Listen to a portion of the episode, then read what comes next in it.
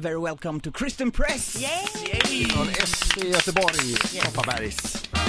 Very welcome! Thank you. How are you today? Lovely. nice early morning. Yes, a nice weather we have here. uh, how long have you been in uh, Gothenburg now? Um, it's been nine months since I first arrived. Yeah, and do you still like it? I love it. Yeah? I do. Um, every day it's getting a little bit colder. Yeah. but um, I'm dealing with that, and I, I think it's a great town. Yeah, and what's uh, now when you've been here for a while, uh, what do you think is the biggest uh, difference?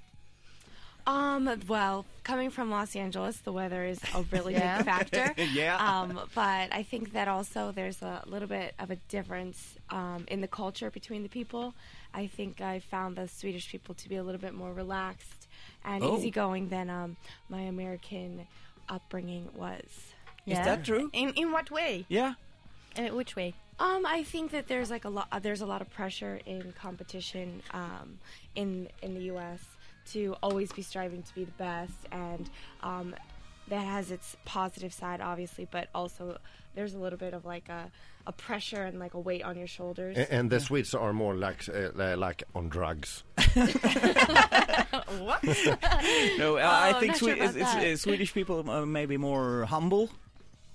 Yeah, I think so, and I think um, there's a lot more uh, emphasis on the team and the community and everyone being together, as opposed to striving to just beat everyone else and be at the top. if that Yeah. makes sense. Uh, nine months later, uh, when you talk to your uh, friends and family in, in the States, do, do, do they think you have an accent now? Well, I've been teased a couple times that I can't speak English anymore. Yeah. Yeah. Okay. I'm speaking a different brand of English, like my Swedish teammates speak. Yeah, because Uh, you want them to understand what you say and a little bit Exactly. uh, easier English. I- Maybe. i- is it more like UK uh, English? Um, I don't know if it's a British English, but No. we've um, I've stopped using a couple different parts of speech and things that the Swedish people don't use. So my sentences are quite simple.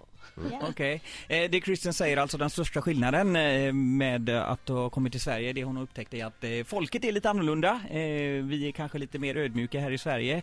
Eh, Inte så framåt och framfusiga kanske som amerikanerna och... eh, Vi jobbar mer som ett lag än eh, som att man själv ska vara bäst. Då. Ja, precis. Eh, I- eh, I- uh, Mats was uh, translating Yeah. and, and, uh, and all in the wrong way. Ja.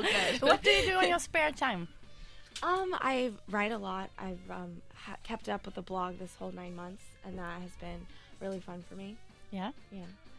But do you go out with your teammates and do stuff during the day, or do you have uh, other uh, people to uh, do stuff with? I, Friends? I find I've been pretty social in my Yeah. time in Sweden. Um, I spent a lot of time off the field with my teammates as well.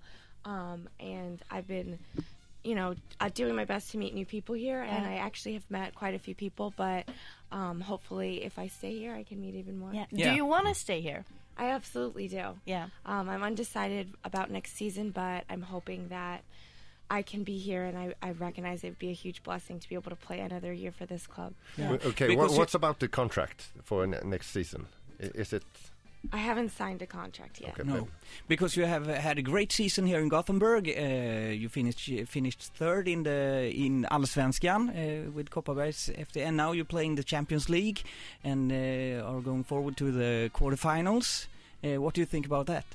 Um, we're really excited. Um, I think the second half of the season we had two goals and to win the Swedish Cup and to make it to the quarterfinals of uh, Champions League, and we got to accomplish both of those things.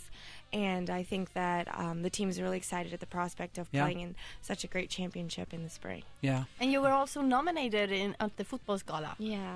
Uh, were you nervous? Yeah, I was a little nervous, but I think um, it was a huge honor to be n- nominated alongside such three s- great players. Yeah. Yeah. Uh, i- is there a, a bad language on, on the on, on the uh, Pitch. Field. Yeah.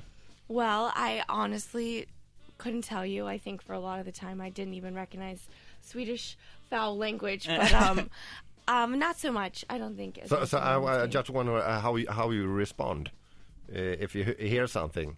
Do, do you think uh, w- was she nice or bad to me? Oh, if someone says Yeah. something Yeah. in Swedish, I usually just am tuned out. It's you know I can just live in my own mind on the field. Yeah. Okay. Yeah. And that is But great. Um, do Good for you. understand- yeah, it's nice. Ett poddtips från Podplay. I fallen jag aldrig glömmer djupdyker Hasse Aro i arbetet bakom några av Sveriges mest uppseendeväckande brottsutredningar.